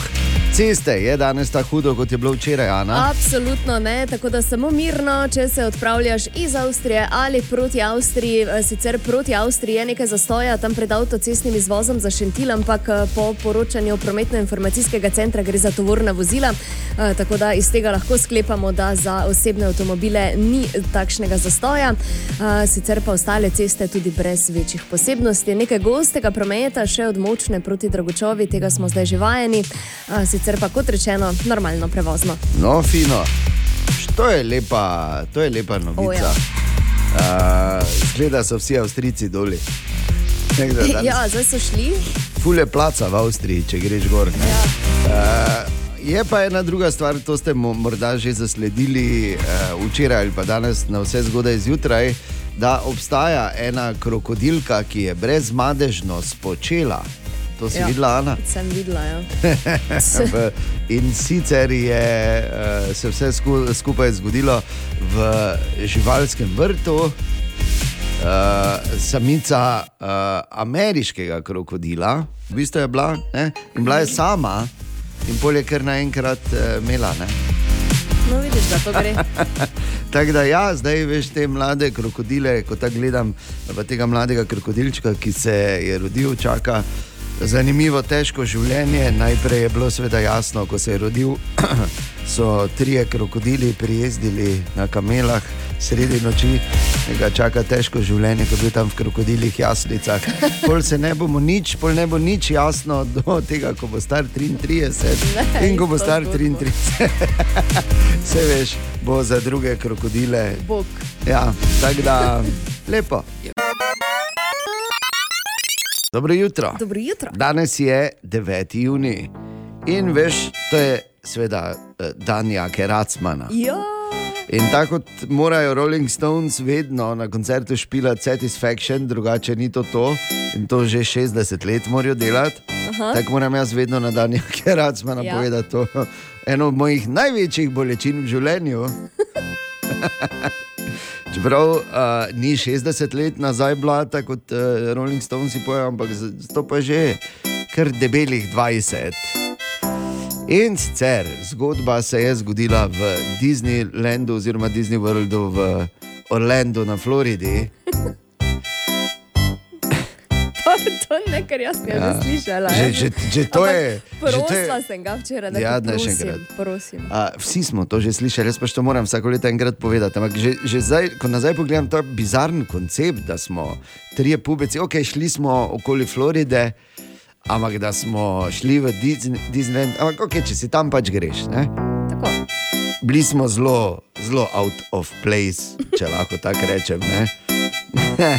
pasali smo not, eh, še smo pasali not, ko, majo, ko majoneza v torto z gozdnimi sadeži, res tako tak smo bili čist mimo. Ampak dobro. In uh, v tej zgodbi, ko smo hodili tam okoli, pa se vozili, pa ja, še to. Ne. Prva vožnja, na katero smo šli, je bila mišljena za otroke od 2 do 6 let. Ne. Ko se v nekih šalčkah po vodi voziš, pa gledaš dinozavrčke, veš. Mi trijeva noter, kot majmuni. Pa ni bilo konca. Škaj ti hočem reči? Ni bilo konca. Ali se pa je samo tako zdelo? To je bila najdaljša vožnja v, v. Disneylandu. Ja, pa tako so bili pa neki cukerčki, pa tako je bilo, veš, kako je bilo lepo, a pa palčki. Skratka.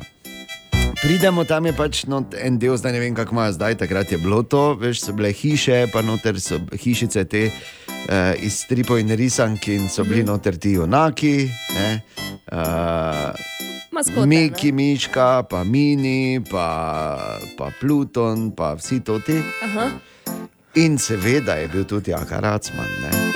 Potem, ko smo, ker je eden od nas treh, pustimo, ne bom zdaj uh, z imeni operiral.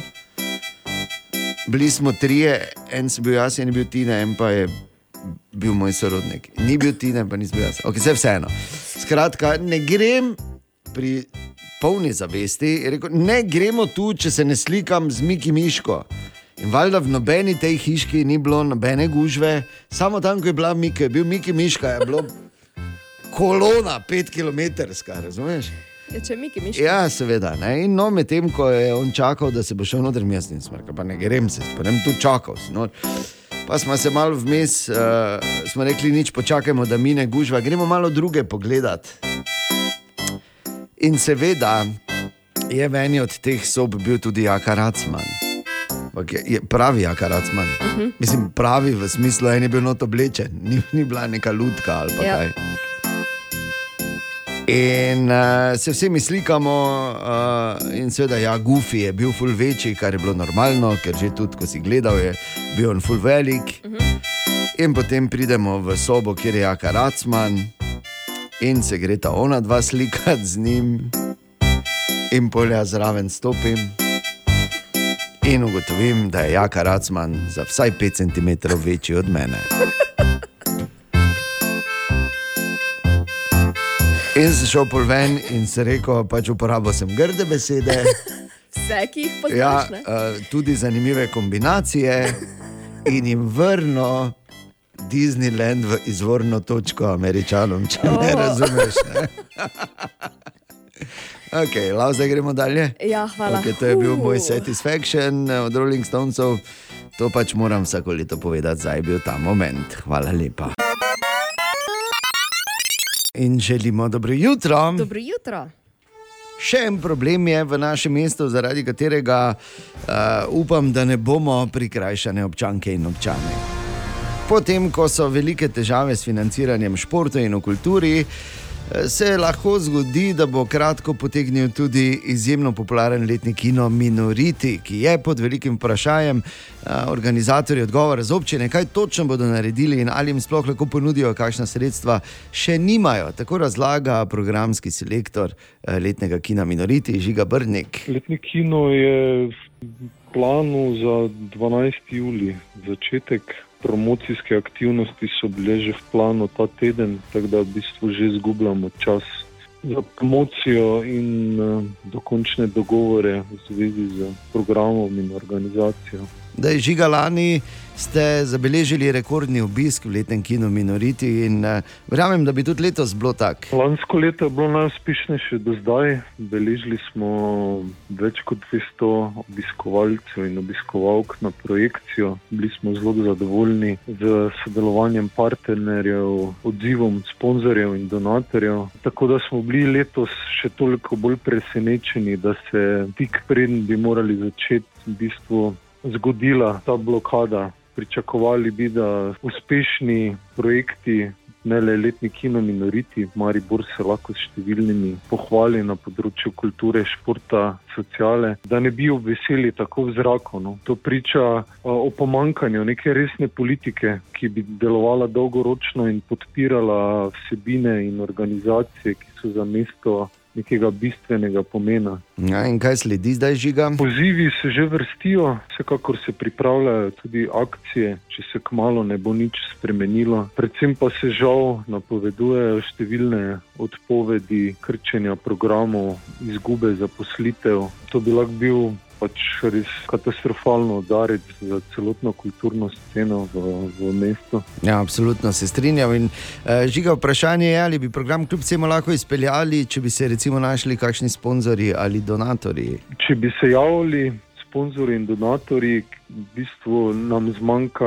Lani smo strani občinskega sofinanciranja dobili 5000 evrov. Če bi zapolnili to luknjo v roku enega tedna, bi se lahko pogovarjali o tem, da bi zadevo še izvedli. Ampak eh, žal, brez teh sredstev ne moremo. Že tako smo v bistvu na najgi, že lani smo bili, eh, ko se nam je znižalo sofinanciranje občine, letos pa, v bistvu, ko so se stvari še podražile, pa v bistvu ne moremo iti pod, pod ta nivo. Ja, torej upam, da letni kino Minoriti bo prihodnji teden naj bi bilo znano, ampak uh, vseeno je ena misel, ki, uh, ki se ponuja sama po sebi, glede na to, kaj je Žiga Brnik povedal, ko je tako uspešen projekt, tak na najgi, polje tu v Mariboru, tako rečemo, vse skupaj. En. Danes je petek, skoraj nemogoče vprašanje. Upam, da ste dobro spala. Jaz sem. Ne Tako da bi pričakujem, na to znal odgovoriti, ne. Tako ne ja, dobro spati. ne pričakujem modrih odgovorov danes naenkrat. Ampak No, tudi no, no, tokrat no. je to vprašanje uh, iz ene statistike iz Evropske unije, v katero zapademo tudi slovenke in slovenci. In tudi tokrat morda velja, da je vprašanje veliko spektakularnejše od odgovora. Ali pač? Pozor. 25 odstotkov odraslih, torej eden od štirih, prizna, to je zdaj unisex vprašanje, velja za oboje, ni, ni zdaj ločeno na moške in ženske. 25 odstotkov odraslih, eden od štirih, torej prizna, da dela to vsako noč. Smrči. ne. A, a, Gre lulat. a, a.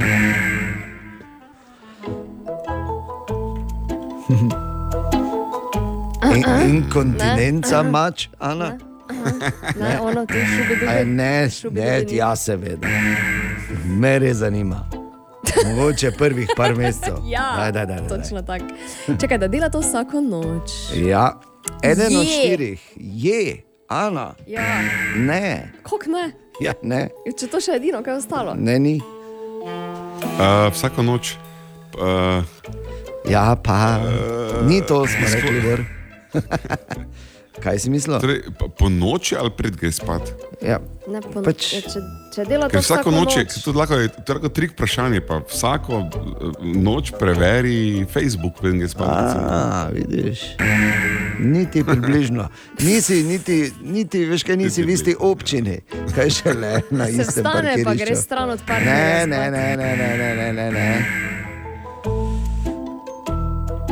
Sanja. ne. Eden od štirih prizna, da naredi to vsako noč. Okay? Aha, torej nekaj Ali pa bizarnega vsak je. večer, ali pa vsako noč, vsak večer, vsako noč, povezano je eno z drugim. Ampak, ja, Da si ne umije zob, fuj. Ne, to je res Ne? fuj, ne, ni to. Mata še na tanko uh, dva poskusa vsak, tako da. No? Uh, Daj, Bor, imaš to. Eden od štirih. nimam. Joj, hodi v spanju. Ja, ne. Pa daj. Če je dober poskus. Poskus. vsa- Čakaj, večer spanje. Ja. Um, Večer spanja. ma. uh, Okay, ne tako na kaj še tezno, pa te dela? ne gre po baker, če me razumeš. No, pa dobro, tudi ne krade bazenov tam. Ne, ne, ne, ne, okay. ne. So to A, zanimivi Mam, poskusi. mam, mam, Ja, povej. ostane, ostanejo budni po polnoči. Nope. Jaz si vem, za- gre preveriti, če je zakleno vhodna vrata. Ana, absolutno Ne? ne. Veš, kaj jaz čujem Oba sta. vsake večere? Ne, e, e, e, e. Kaj Koliko zakleniti ne moreš. Okay. Naj samo povem, da polniti telefon. Ne, zaključila si že, dva poskusa sta imela. Žal, žal tokrat eh, smo brez zmagovalca, ampak statistika je res grozna. Eden od štirih odraslih v Evropski uniji prizna, da gre spat s plišastim eh, medijem. Eden od Bravo. štirih odraslih spi s pliškotom, pa prosim te. Natalija, Ajde, da tebi ti- na radiju govorijo. Ajde, da ti ga mali v posli pusti slučajno, Ja. ja. pa te nekaj žuli. Ampak to. Dobra, mali in stari. Podcast jutranje ekipe.